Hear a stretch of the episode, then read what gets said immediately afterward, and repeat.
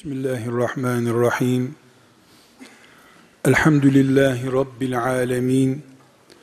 Ve sallallahu ve sellem ala seyyidina Muhammedin ve ala alihi ve sahbihi ecma'in. Değerli mümin kardeşlerim, Allahu Teala'nın canlı olarak yarattığı her canlı gıda ihtiyacı içinde yaşar. İnsan bir canlı olarak devam edebilmek için hayatına gıda tüketir. Biz buna yemek içmek deriz. Bir insanın mümin olması veya kafir olması gıda tüketmesi açısından sonucu değiştirmez. Mümin de yer içer, kafir de yer içer. Küçük olmak veya yaşlı olmak da bu gıda ihtiyacını değiştirmez. Bebekler de midelerine göre yerler içerler. Yaşlı insanlar da yerler içerler. Kadın veya erkek olmak da sonucu değiştirmez.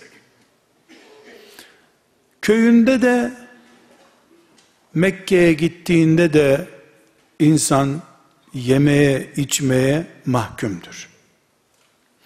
Bir ay Mekke'de kalınca hiç yemedi, içmedi diye insan duymayız. İnsan insan olarak var oldukça çenesi çalışacak, midesi isteyecektir. İnsanlık bunu gerektiriyor. Bu nedenle hiçbir şekilde bir insan yemek yedi diye ayıplanmaz.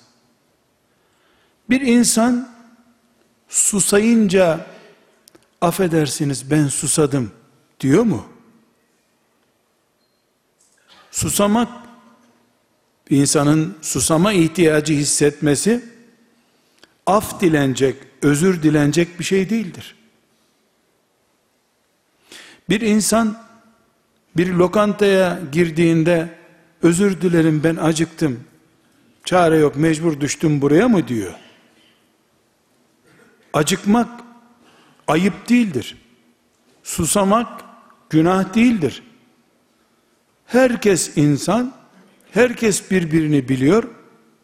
Hatta bir insan üç gün, beş gün yemek yemese, bu çok büyük bir protesto kabul ediliyor. İntihar kabul ediliyor.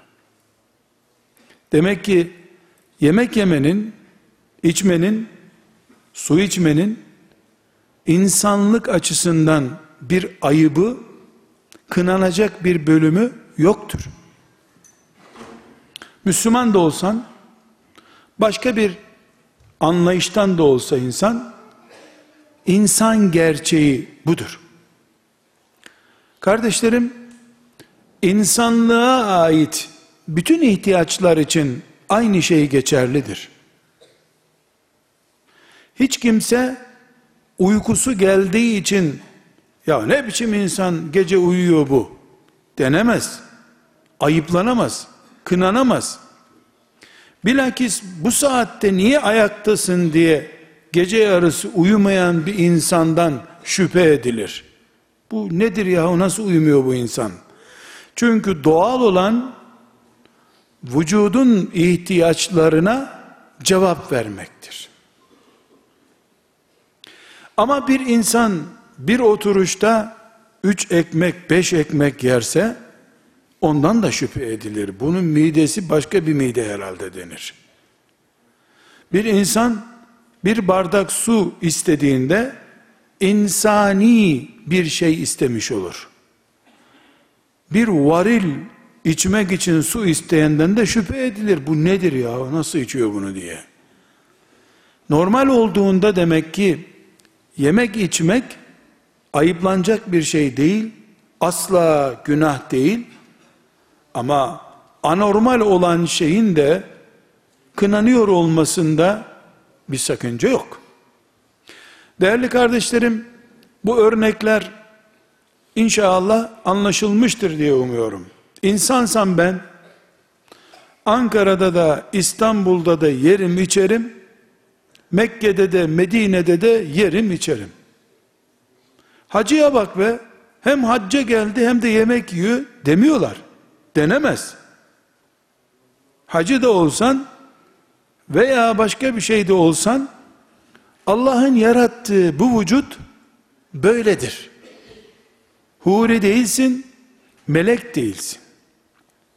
Kardeşlerim, yüzde yüz aynen bunun gibi bir kural da bizim şehvetlerimizle ilgilidir. Nasıl? Şuna bak ya 4 yaşında yemek yiyordu 14 yaşına geldi hala yemek yiyor denmiyorsa hiçbir insan içinde şuna bak şehveti var bu. Ne biçim insan? Şehvetli insan olur mu? Peygamber bile olsa denemez onun için böyle. Peygamber bile olmak yemekten içmekten muaf olmayı gerektirmediği gibi şehvetlerden de muaf olmayı gerektirmez. Bu yüzden Kur'an'ımız Peygamber aleyhisselam efendimize hitap eden ayetlerinden birinde ne buyuruyor? Senden önceki gönderdiğimiz peygamberlerin de eşleri ve çocukları vardı diyor. Yani tabii bir ortam içerisinde peygamber olarak gönderdik onları. Allah cennetten seçip cennet şartlarında bir insan peygamber olarak göndermedi. Bizim gibi yiyen, içen, çarşıda pazarda dolaşan, acıkan, şehveti olan insanlardan peygamberler gönderdi. Dini ciddi bir şekilde uygulamalı, örnek alınabilir bir insanda görülsün diye. Hiçbir insan şehveti var diye ayıplanamaz. Şehveti olmayanların tedavi görmesi gerekir. Şehveti olanların psikiyatrik tedavi görmesi gerekmez şehvetlerini helal haram ayrımı yapmadan kullananların ayıplanması, tedavi görmesi gerekebilir. Neden? Çünkü Rabbimiz insanı yaratırken midesiyle yarattığı gibi şehvet ihtiyacı ile de yarattı. Herhangi bir şekilde insan şehveti olmayacak şekilde genleriyle oynanmış olsa Allah'ın yaratmasını değiştirmek olur ki kebair günahtandır bu. İnsanla oynanamaz. Bir insanın gözü olmadan yaratılsın, kulağı olmadan yaratılsın diye genleriyle oynanmış olsa kulaksız insan yaratılsa mesela bu Allah'ın yaratmasıyla oynamak olacağından Buna haram deriz. Kebair günahlardan deriz. Kulağı olmayan insan için uğraşılır mı? Aynı şey kardeşlerim, şehvetleri olmayan bir insan yaratılsın derken de aynı hataya düşmüş oluruz. Yahu şehvetler ayıp şeyler değil mi? Değil. Ayıp değil. Şehvet ayıptır diyen ben ayıp ürünüyüm demiş olur. Kainat insan dolu 7 milyar civarında insan şimdi var. Belki bunun birkaç katı da oldu insan olarak dünyada. Şehvetin ürünüyüz. Erkeğin kadına, kadının erkeğe şehveti olmasaydı, bugünkü insan nesli dünyayı dolduramazdı. Şehveti yok saymak, abes, çirkin saymak, ben niye geldim, ne neden yaratıldım demek kadar yanlış bir şeydir. böyle bir düzen kurmuş Allah. Ne midelerimizi söküp atabiliriz, ne kulaklarımızı kesip atabiliriz, ne de şehvetlerden soyutlanmış bir insan üretebiliriz. O soyu tükenmiş insan anlamına gelir. Çünkü bizim ayıplı kayıplı gördüğümüz şehvetlerimiz kendi varlığımızdır. Bizim var olma nedenimizdir, sistemdir. Bizden sonra insanoğlunun devam eden sistemidir şehvet denen şey. Bu sebeple Rabbimiz gönderdiği dini İslam'da şehvetleri imha edin de cennete girin dememiştir. Tıpkı kimse yemek yemesin Müslüman olduğuna inanayım buyurmadığı gibi yiyin için helal olsun yeter ki Allah'ın yasak ettiği şeylerden yemeyin buyurmuştur. Şehvet içinde aynı şey geçerlidir. Ancak kardeşlerim çok e, ince bir ayrıntı olarak şehvet kelimesine bir sözlük ilavesi yapmam gerekiyor. Şehvet deyince hemen aklımıza cinsel şehvetimiz geliyor. Halbuki şehvet insandaki gizli örtülü hırs demektir. Bu cinsellik olduğu zaman buna cinsellik şehveti deriz. Ama para saymak da bir şehvet türüdür. Bir koltuğa oturmak da bir şehvettir. Beğenilme arzusu da bir şehvettir. İnsanların lider olma arzusu da iyi bir şehvet türüdür. Bu uğurda insanlar ailesini dağıtmaya bile razı olabiliyorlar. Yeter ki bir koltuğu olsun, bir şeyin lideri olsun. Liderlik de bir şehvet türüdür. Rabbimiz bütün bunların toplamından bu dünya hayatının düzenini kurmuştur. Eğer birilerinin baş olma, lider olma hırsı olmasaydı, birilerinin canından çok paraya düşkünlüğü olmasaydı, birilerinin de övülme, methedilmekten hoşlanan, gıdıklanan bir yapısı olmasaydı, onun da şehveti harikasın be abi denmek. Onun da şehveti ne kadar yakışıklısın den, denin bir söz duymak. Onun da arzusu o. Bunlar bu düzenin temel taşları. Bunlar olmasaydı kardeşlerim bir kış günü insanların evinden çıkmaya korktukları bir zamanda buz tutmuş bir yolda bir toplu taşıma şoförü araç süremezdi. Para hırsı, borcunu ödemek, taksit ödemek, daha üst bir şey alabilmek için kar da yağsa, ateş de yağsa gökten o çalışacak o gün. Ya bu adam dışarı niye çıktı sen onu anlayamazsın. O hırsı Allah veriyor, para hırsı ondaki, bir ihtiyacı olan kulu da sokağa çıkınca hazır vasıta buluyor.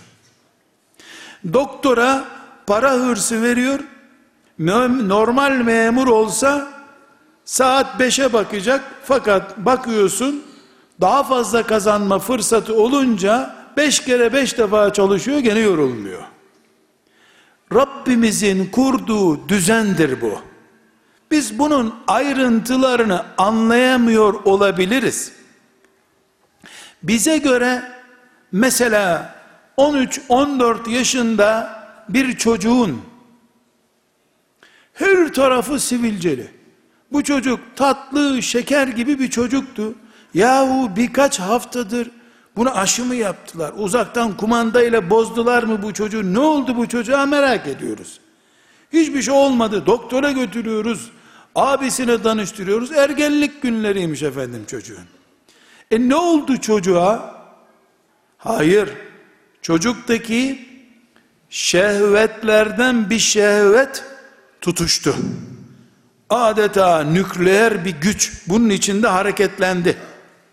Bize göre bir şey yok ortada ama çocuğun da anlamadığı bir şey olduğu halde çok şey var çocuğun içinde.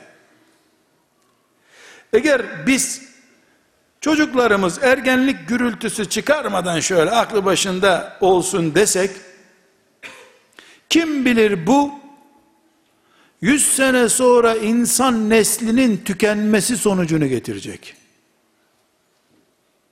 Öyle bir hızlı kalkış yaptırıyor ki Allah ergenlik çağında o hızı biz 10 sene sonra sokakta yürüyen 3-4 çocuk olarak görüyoruz.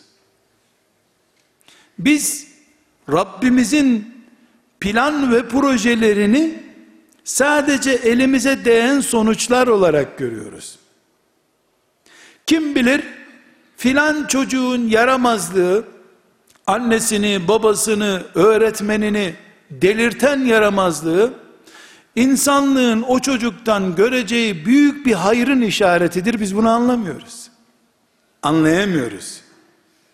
Bu sebeple kardeşlerim, Rabbimiz bizi yaratırken, düzeni kurarken bu dünyada, nasıl yaratıp nasıl düzen kurduysa, en mükemmeli budur.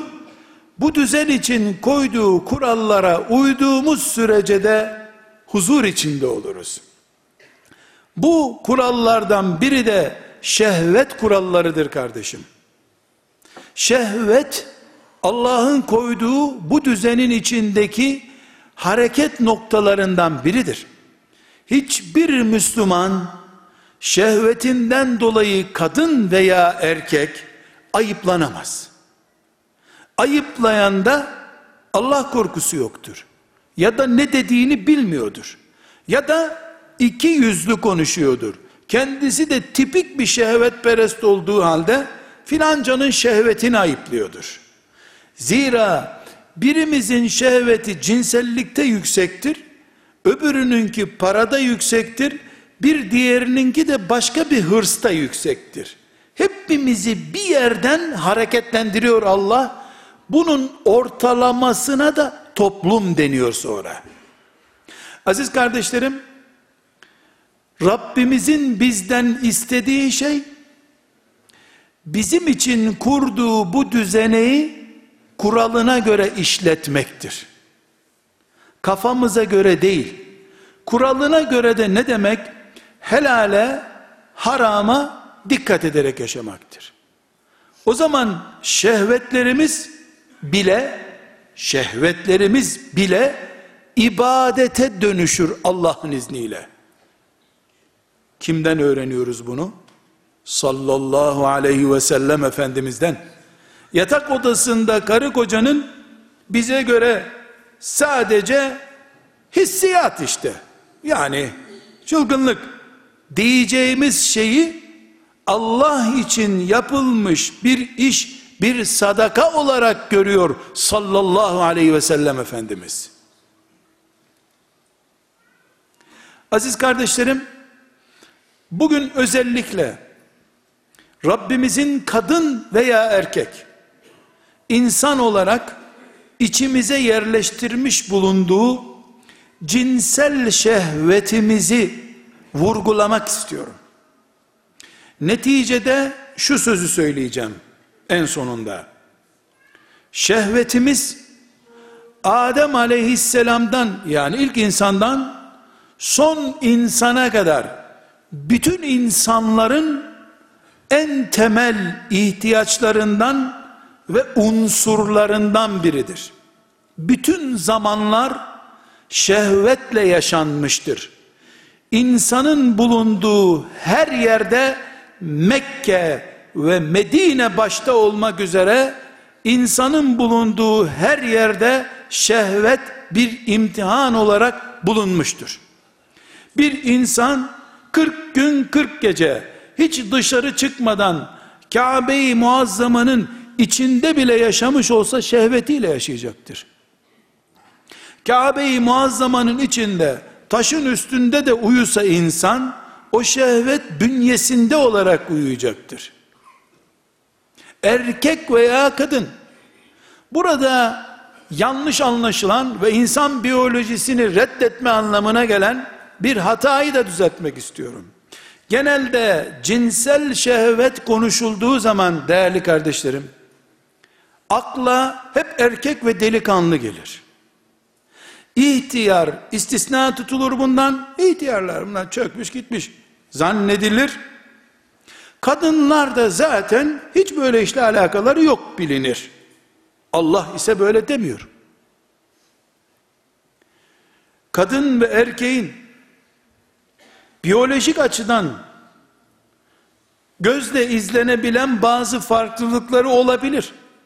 Ama şehvet imtihanına uğrama açısından bünyesinde karşı cinse mıknatıs gibi hazır bekleyen bir bölüm bulunması bakımından kadın yüzde yüz erkek gibidir.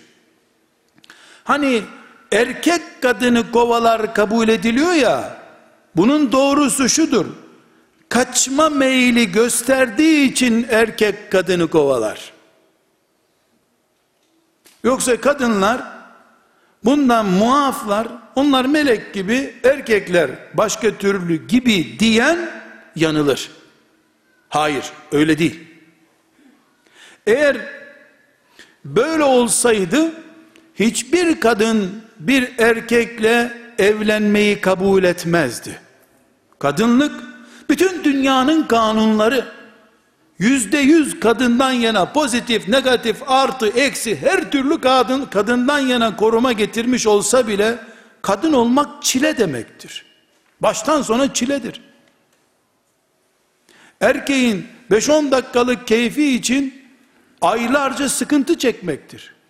Eğer insani Allah'ın yarattığı dini bir yapı olarak değil de sadece beşeri mantıkla bakacak olsa kadınlık çile demektir. Bu çileye niye talip oluyor kadın? Niye evet diyor? Onda da cinsel ihtiyaç var. Bir de kadında doğurduğunun anası olmak diye bir şehvet de var ilave olarak. Bu çift şehvet hem erkeğin hem doğurduğunun çilesinden zevk aldırıyor kadına da 7 milyar olduk bu dünyada bu yüzden. Hakikatlar böyle kardeşlerim. Her mümin, her kafir, her erkek, her kadın, her genç, her ihtiyar, herhangi bir şekilde istisnası olmayacak şekilde çok olağanüstü biyolojik arızalar vesaireler istisna edilmek kaydıyla hiçbir insan muaf değildir şehvetten. Allah'ın kanunu böyle. O zaman kardeşlerim biz şehvet dediğimiz şeyi Rabbimizin imtihanı olarak kabul edeceğiz. Tıpkı örnekte zikrettiğimiz yeme içme olayında olduğu gibi. Bir anne, bir baba, bir yurt müdürü, bir kolej müdürü görevlisi yurt açarken oğlunu, kızını filan şehirde nerede barınacak diye düşünürken 20 yaşında 18 yaşında bir kızı veya erkeği. Bir anne bir baba. Filan şehirden filan şehire götürdü orada bir okul okuyacak medrese okuyacak üniversite okuyacak hiç önemli değil. Eğer Müslümansa ahiret diye bir derdi varsa gerçekçi ise gerçekçi bakıyorsa olaylara hayalpereste diyeceğimiz yok Allah'ın yarattığı şu dünyayı tanıyan birisi ise eğer, kardeşlerim, bu çocuk akşam nerede yatacak? Elbette bunu hesap etmesi lazım. Ne yiyecek? Bunu da hesap etmesi lazım. İnsan bu çünkü. İki saat sonra acıkacak. Yemeğini düşünmeden aç kalsın okul bitirsin denmez herhalde. Zaten iki saat sonra yemek yemeyince ders de çalışmayacak. Ancak bu şehvetini ne yapacak burada diye sormadıkça gerçekçi mümince bir iş yapmış sayılmayız. Yurt işleten mümin, bir idareci, medrese işleten bir hoca efendi, öğrencilerin kışın soğuk, yazın sıcakta nasıl yaşayacaklarını düşünecek elbette. Emanet bunlar, Allah'ın emanetleri. İki, elbette bu öğrencilerin ne yiyip içeceğini düşünecek. Allah'ın emanetleri. Aç bıraksa sorumlu olur. Üç, bu çakı gibi delikanlılar, bu gencecik hanım kızlar, şehvetlerini ne yaparlar burada? Nasıl bunlar disiplin altına alınabilir diye düşünüyorsa, bu Peygamber aleyhisselam efendimizin mirası üzerinden yol alan bir yönetici demektir. Böyle bir anne baba evladına her türlü yatırımı yapmış bir anne babadır. Aksi takdirde çocuğun yemek ve gıdadan daha aşağı kalmaz. Hatta gözünü şehvet bürüdüğü zaman aç kalıp intihar etmeye razı olduğuna göre gıdadan daha önemli olan genç için bir sorunu düşünmeyen anne baba işte emekli maaşımızdan kısıp çocuğu zorda bırakmadan okuttuk elhamdülillah diyor ya. Bu kendi bilançosunu kendi tutup vergisini kendisi hesaplayan bir esnaf gibi. Sen kendi kendine vergi hesaplıyorsun böyle bir şey olur mu ya? Ben bu kadar vergi vermeyi uygun gördüm diye vergi verilir mi? Sana şu kadar vergi vereceksin denir. Çocuğunun sadece elbise ihtiyacını, sadece yeme içme ihtiyacını, sadece akşam tepesinden yağmur yağmadan nerede yaşayacak o ihtiyacını düşünüp her türlü babalık, annelik, yöneticilik sorumluluğundan kurtulduğunu zanneden yanılmıştır.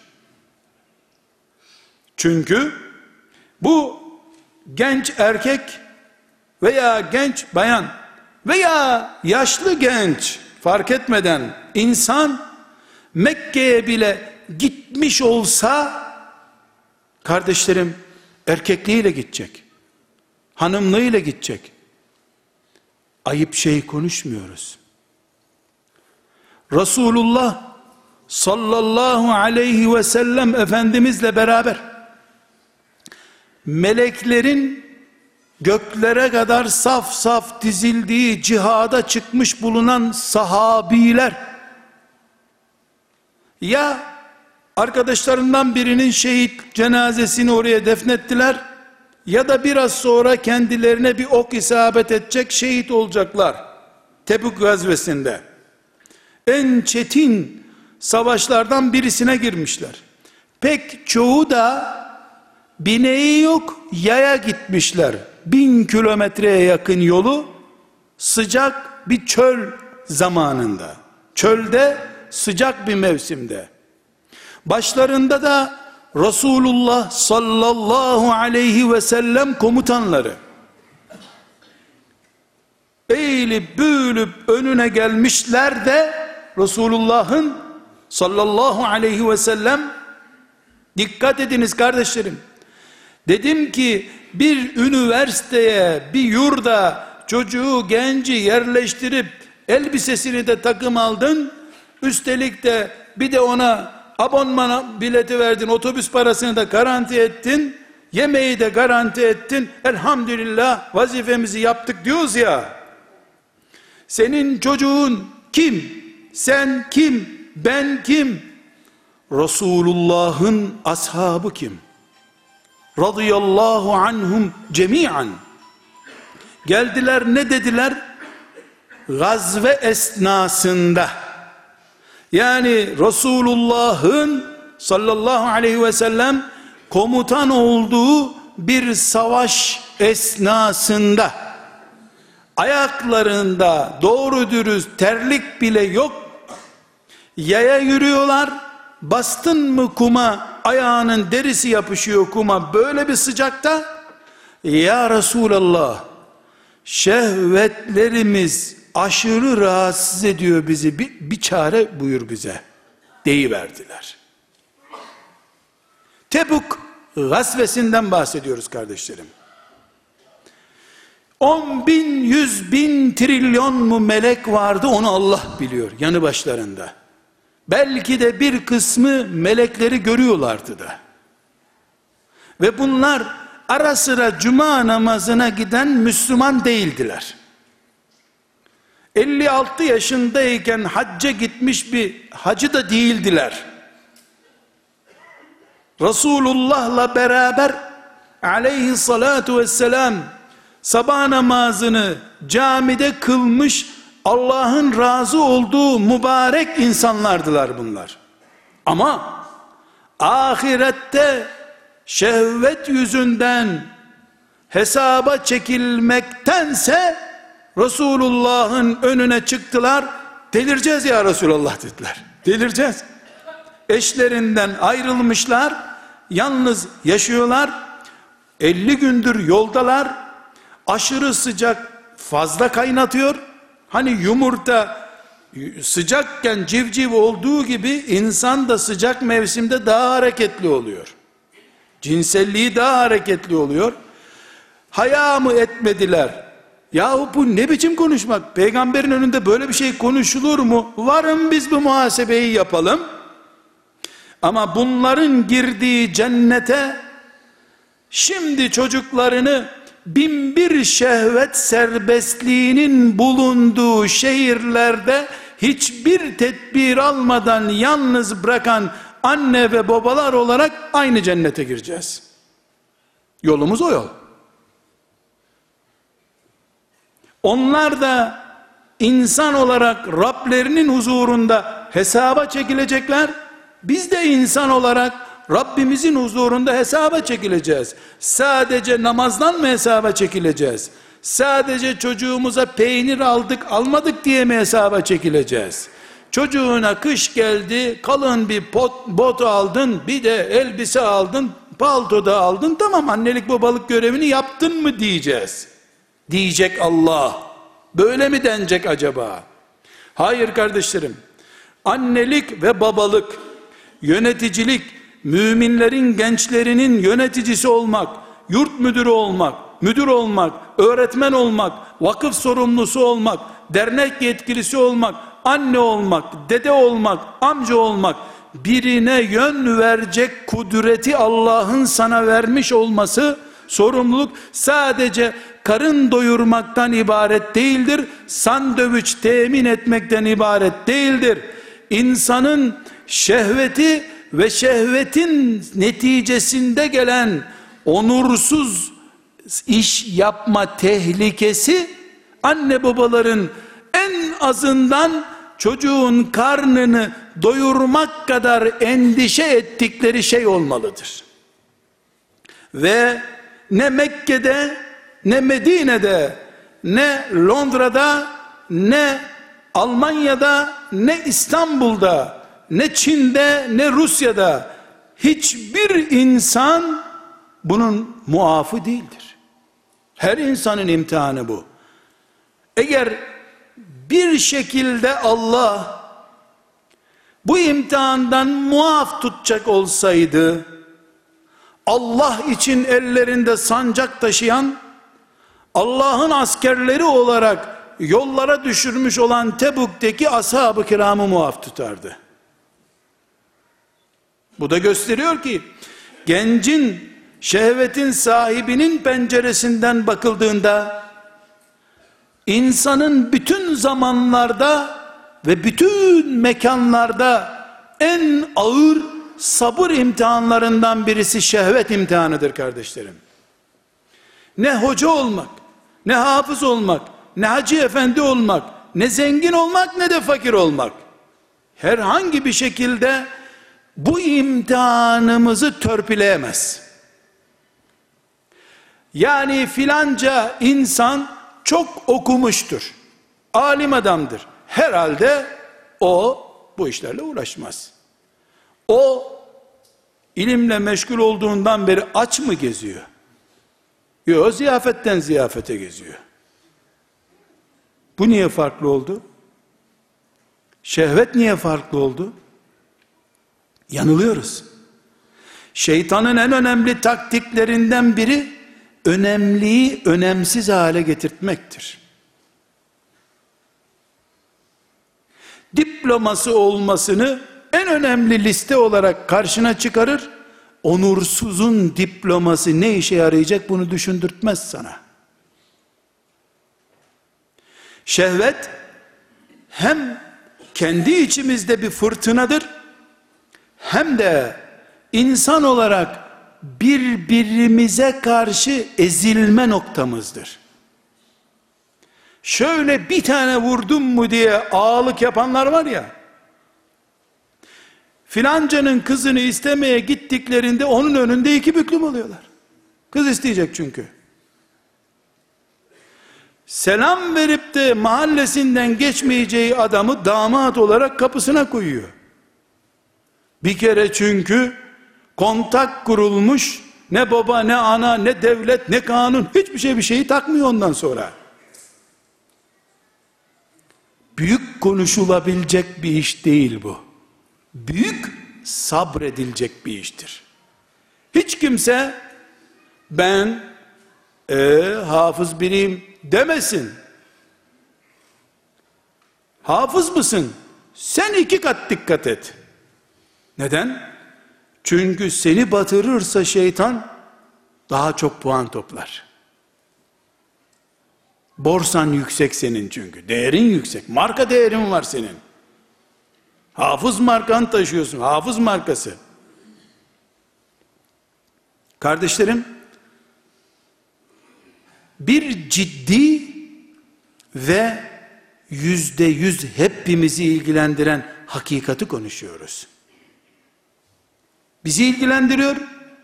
Sorumluluğumuz altındaki yavrularımız açısından bir daha ilgilendiriyor bizi.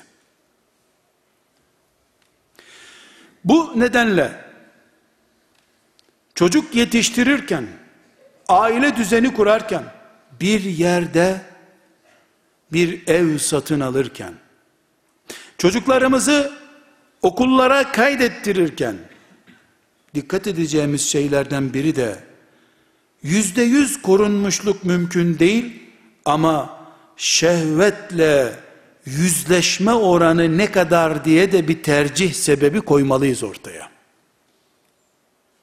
Müslümanlığımızdaki titizliğimizden kaynaklanıyor bu. Eğer varsa.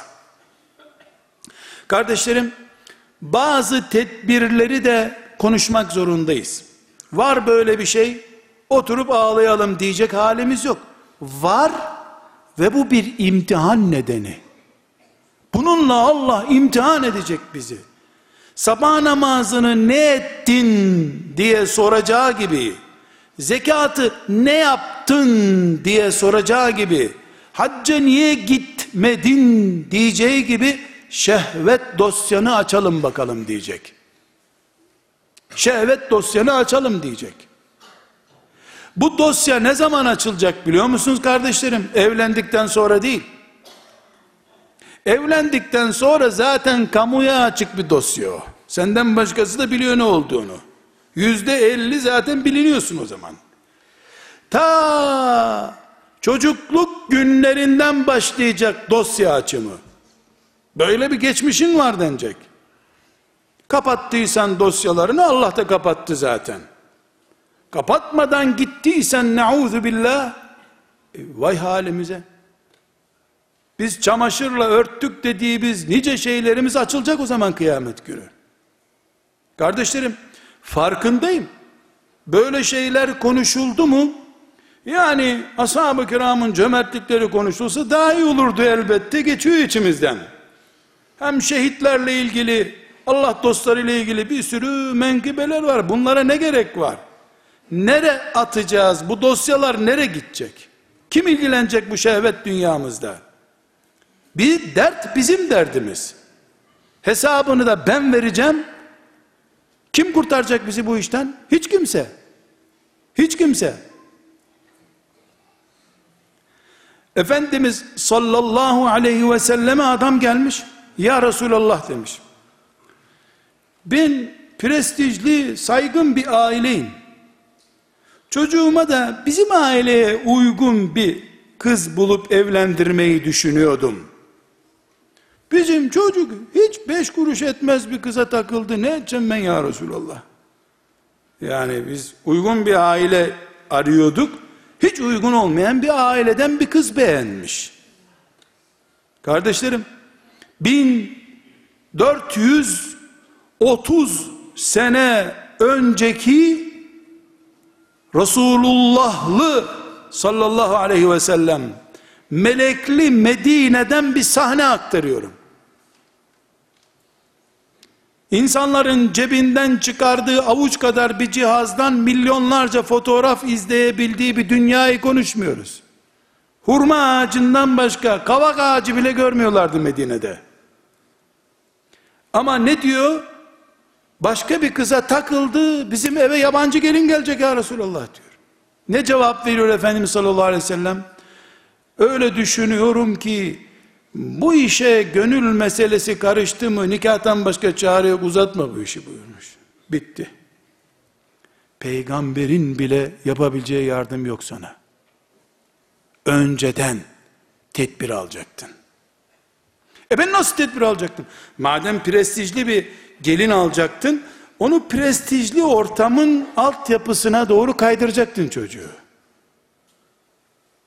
Şunu bitirsin, bunu bitirsin, şuradan gelsin, buradan gelsin derken o da gitti başka yere yakalandı. Kardeşlerim, hakikatler acı olabilir.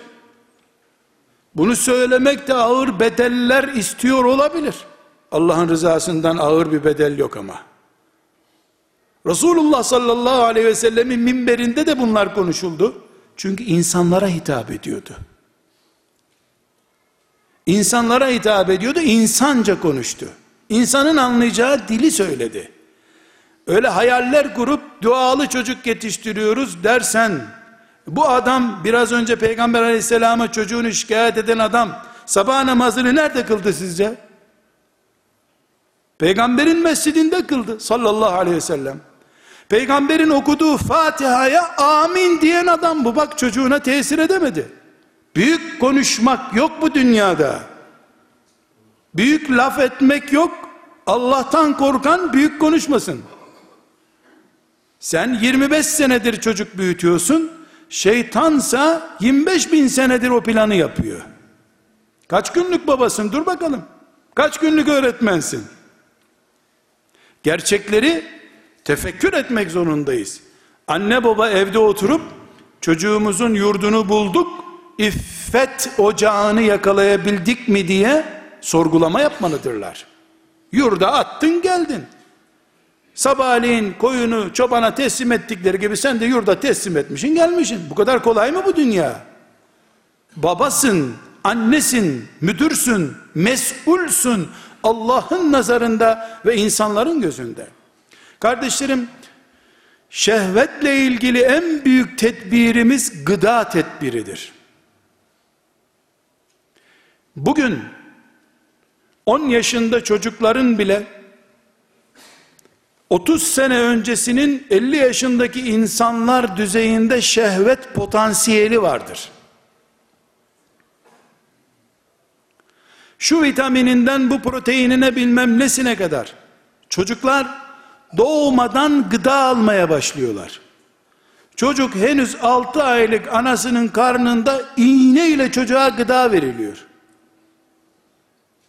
Çocuklar 10 yaşına geldiklerinde kendi fiziksel ağırlıkları kadar çikolata yemiş oluyorlar. Şöyle güzel bir tarhana çorbası içen çocuk müzeye konacak neredeyse. Çocuk çorba içmez ki. Ambalajlı olmadığı için çorba. Çorbayı da şöyle ambalajla satsalar yırtsa kapağını onu da içecek. Üstüne de bir böyle iştahlı susamış bir maymun resmi koyarsan mükemmel çorba o bir gıda çöplüğünde yaşıyoruz. Temiz ve faydalı, yararlı olan gıdaya tenezzül etmiyor insanlar. Cicili, bücülü, alüminyum paketlere girmiş, bir sürü içerisine koruyucu konmuş, şu konmuş, bu konmuş, üstünde neredeyse bunu yersen öleceksin yazacak, o kadar üstünde madde var. Ama onu yiyor çocuklar. Bunların toplamını biz düşünürken yahu bu kadar gıda niye dünyada var derken bu projelerin başında bulunan şeytan 15 yaşında filanca kötü işi, filanca rezilliği yapmaya hazır bir genç yetiştirmek için onu 5 yaşındayken kudurtucu gıdalarla tanıştırıyor. Biz basit bir çikolata diyoruz ama 20 sene sonra o gencin damarlarında aktivite olacak bir şey enjekte ediyoruz çocuğa biz. Böyle düşününce tabi çok fazla derin düşünmüş oluyoruz. Çikolatayı yerken derin ısırıyor, düşünürken derin düşünmüyor ama. Kardeşlerim, şehvet disiplini için bir numaralı konu gıda konusudur. Anneler, babalar, yurt müdürleri, insandan sorumlu olanlar bu gıda sorununu tefekkür etmelidirler. İlla hastalanınca mı diyetisyene gideceğiz biz? Yani şişinceye kadar patlayacak noktaya gelinceye kadar şişirip sonra gazını kaçırmanın ne gereği var? Normal şişir sonra da kaçırma gazını. Gıda. Hadis-i şerif ne diyordu? Haramla beslenmiş bir vücut cehenneme daha layıktır diyordu değil mi? Gıda basit değil kardeşler. Namaz da kılsan zehir atmıyorsun ki. Sabah namazını çok güzel kılsam ciğerlerimdeki bir zehir atmış oluyor muyum ben? O başka bir şey. Onu serumla atabiliyorsun bir daha. İdrar yoluyla atabiliyorsun. Secdeyle atamıyorsun. Gıda. İkinci husus kardeşlerim. Şehvetlerimiz üzerinde şeytanın belli projeleri olduğunu konuşmaya gerek yok. Bu projelerde şeytanın en aktif malzemesi müziktir. Biz şehvet deyince hep akla kadın kız geliyor. Hayır. Şeytanın en önemli, en aktif organları, çalışma sistemi müzikle başlıyor. Bu sebeple şeriatımız müziğe karşı ciddi tepki göstermiştir. Yani yasaklamıştır. Çünkü müziğin her ne türü olursa olsun gıdıklayıcı yönü vardır. Gıdıklarken böyle avucun ayağı, ayağın altını gıdıklamıyor. Kafayı gıdıklıyor, kalbi gıdıklıyor. O anda da elbette tüfeği alıp yola çıkmıyorsun. Ama mehteran takımından bir parça dinleyen bir kanuninin askeriyle sabah namazından kalkmış uyuklaya uyuklaya kışlaya gelmiş bir asker aynı değildi herhalde. Müzik gıdıklar. Şehveti de gıdıklar, cihat hareketliliğini de gıdıklar. En basit testi kardeşler, sevdiği bir müziği dinleyen bir şoförün gaza basışına bakın. Kapatın radyosunu, bakın nasıl gaza basıyor. Araba kendiliğinden gitmeye başlıyor müzik çalınca.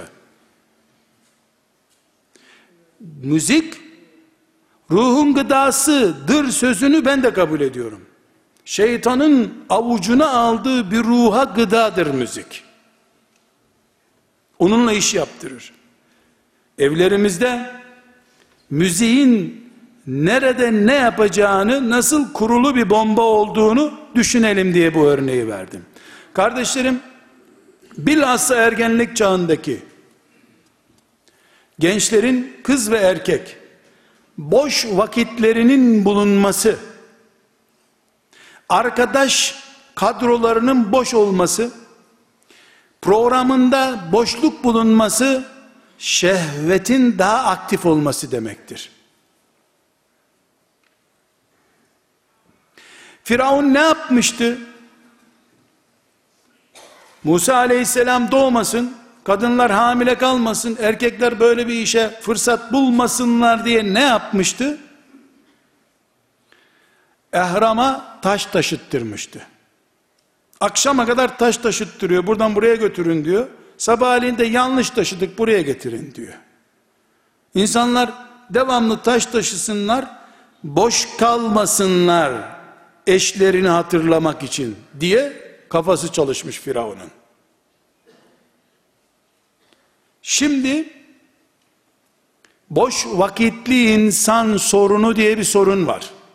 Teknoloji sürekli vakit fazlalığı getiriyor. Bu fazla vakit baş belası. Şehvet bu baş belası vakit fazlalığının ilk tehlikeli sonucu. Kardeşlerim son 20 senedir ümmeti Muhammed'in başının derdi olmuş konulardan biri de çarşılar meselesidir. Hadisi şerifi şimdi anladım ben. Yıllar sonra. Belki 40 sene önce duyduğum hadisi şimdi anladım. Allah'ın en sevmediği yerler nereleridir sorusuna aleyhisselam efendimiz ne cevap veriyor? Çarşılardır diyor. Bir ayakkabı görmek için gittiği yerde ayakkabıdan çok karşı cinsi görüyor gençler. İnsanlar mağazadan bir gömlek görmek için gittikleri çarşıda onu iyi görmesi için insanların iki saat hazırlık yaparak gidiyorlar. Kadının bir saatlik işi var çarşıda, iki saat aynanın karşısında hazırlanıyor. Bir saatlik çarşı gezisi için. Demek ki ayakkabı ve çanta almak için gitmemiş. Ayakkabı ve çanta alırken görünsün diye gitmiş. Çarşılar tehlikeli kardeşlerim. Ve çok önemli bir başlık. Bunların ayrıntılarına maalesef girmeye vaktimiz olmuyor. Ama hepimizin gördüğü şeylerin ayrıntısını konuşmaya da gerek olmadığını düşünüyorum. Kardeşlerim, bu asır kadar insanın göz organının aktifleştirildiği bir asır yoktur zannediyorum. Bir kilometre köylerde bile, büyük şehirlerde değil, köylerde kasabalarda bile bir kilometre yürüyünce gördüğün reklam panoları, gördüğün rengarenk insanlar, araçlar vesaire her neye baksan göze hitap eden bir dünyada yaşıyoruz. Çevre kirliliği falan diyorlar ya. Hani hava kirliliği, ozon tabakası delindi, bulutlar delindi bir şeyler deyip duruyorlar ya. Alimallah göz kirliliği çevre kirliliğinden daha kötü hale geldi. Önüne bakayım desen önün de yok artık. Bakacak bir yer kalmadı. Rahat yürüyebileceğin kaldırım yok ki sağa sola bakmadan önüme bakıp gideyim diyebilesin. Büyük bir göz kirliliği medeniyetinde yaşıyoruz. Kardeşlerim, buna sadece bir örnek vereceğim. Ekonomiden ve ticaretten anlayan bir kardeşimiz, çocuklar için üretilmiş bir patates kızartması diyeyim ben, gavurca ismini kullanmayayım, 20 gram 30 gram bir şey var içinde.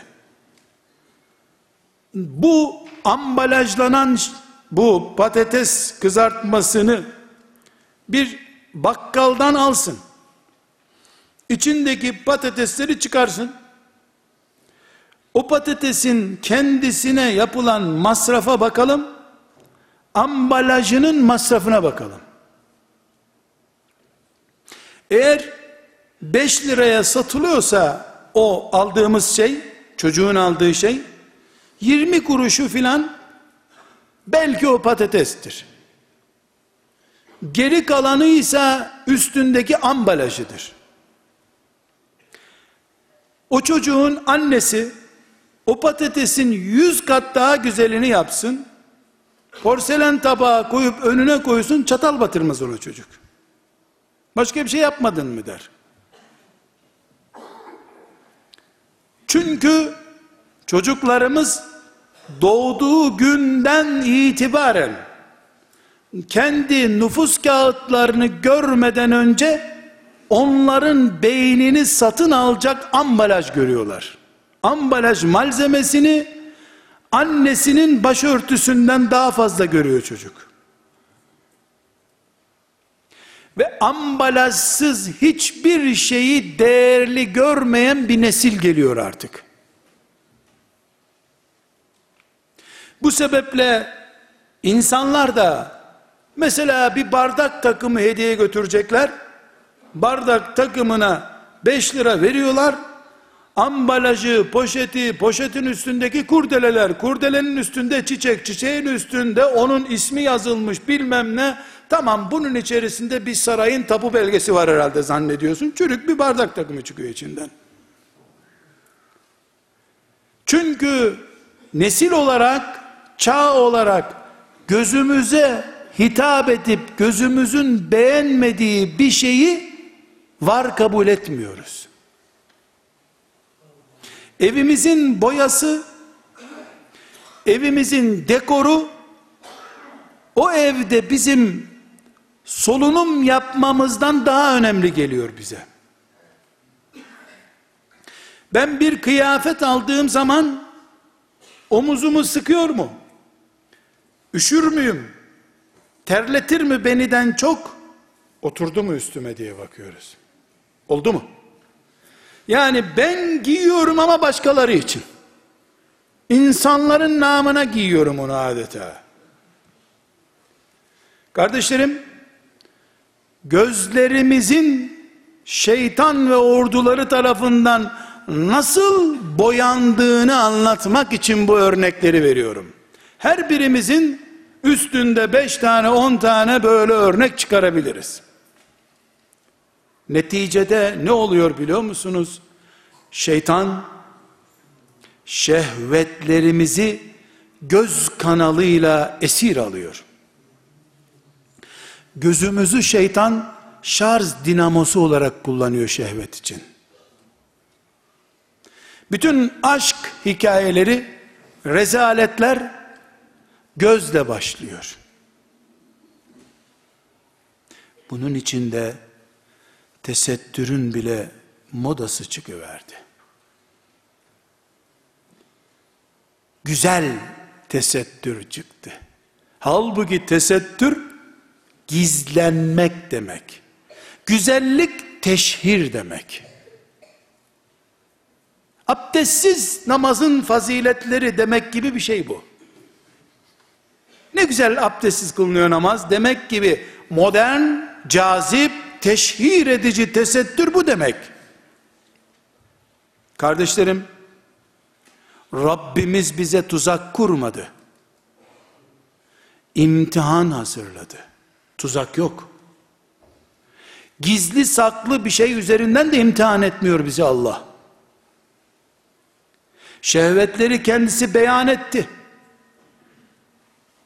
Şeytanın gözümüze hitap ederek bizi tuzağa düşüreceğini asırlar öncesinden bize haber verdi Allah. Bunun için tesettürü emretti. Bunun için mümin erkekler gözlerine sahip çıksınlar diye ayet indirdi Kur'an'dan. Mümin kadınlar da gözlerine sahip çıksınlar diye ayet indirdi. Kardeşlerim, buyurun hep beraber Bukhari ve Müslim'in rivayet ettiği bir hadisi şerifi beraber dinleyelim. Resulullah'ı tanımak için sallallahu aleyhi ve sellem medeniyetimizi çözmek için ve medeniyetimizin değerleri gitti iki katlı evler dört katlı oldu. Ya bırak apartmanla medeniyet mi olurmuş ya? Ne medeniyeti be? Medeniyete bak. Medeniyete bakın kardeşim medeniyete bakacağız Sonra ne kadar medeni olduğumuzu tartacağız. Ebu Sa'id el-Hudri radıyallahu anh isimli sahabi diyor ki Resulullah sallallahu aleyhi ve sellem bize buyurdu ki yol kenarlarında oturmayacaksınız. Yol kenarlarında. Hani esnaf oturuyor ya dükkanın önüne tabure koyup oturuyorlar. Park kenarlarına, belediyelerin de yanlış işlerinden biri yol kenarlarına tab oturacak koyuyorlar. Yürüyecek yer bulunmuyor bu sefer. Yol kenarlarına oturmayacaksınız. Peygamber talimatı İslam medeniyeti. İslam medeniyeti. Nasıl başkasının penceresinden açıp bakamıyorsun, adamın evi, yolda kamunundur, herkesindir. Senin radar gibi gözün yolun üstünde durmayacak. Yol kenarlarında oturmayacaksınız. Diyor ki Ebu Said el-Hudri, dedik ki ya Resulallah, öyle oluyor ki mecburen birisini beklememiz gerekiyor. Hani oturmayacağız ama belki mecburen oturmamız da söz konusu olabilir. Birini bekleyeceğim ya da karşıya geçeceğim. Bir sebep buyurmuş ki illa oturacaksanız yolun hakkını verin buyurmuş. Medeniyet. Medeniyet apartmanların dışını cicili bicili boyalarla süsleyen dünya medeniyetine ve yol kültürünü dozerlerin yol açmadığı bir çağda oluşturan Resulullah'a bakıyoruz sallallahu aleyhi ve sellem. Yolun hakkını vereceksiniz o zaman buyurmuş. Ya Resulallah yolun hakkı ne olabilir ki? Yolun hakkı yani vergi mi bu? Yol kenarında bekleyecekseniz gözünüz kapalı olacak, gelen geçeni izlemeyeceksiniz buyurmuş. Yanlış bir iş gördüğünüz zaman da müdahale edeceksiniz. Madem orada bekliyorsun, müminler adına sen güvence unsurusun. Müdahale edeceksin. Başka türlü yol kenarlarında oturmayın. Trafik dersi değil bu. Medeniyet dersi. Yolda gelip geçenin senin gözünden rahatsız olmasını yasaklayan peygamberin ümmetiyiz sallallahu aleyhi ve sellem. Özellikle birilerini görmek, birileri de beni görsün diye çarşı gezmesini bu dinde nereye oturtacağımızı çok merak ediyorum kardeşlerim. Velhamdülillahi Rabbil Alemin.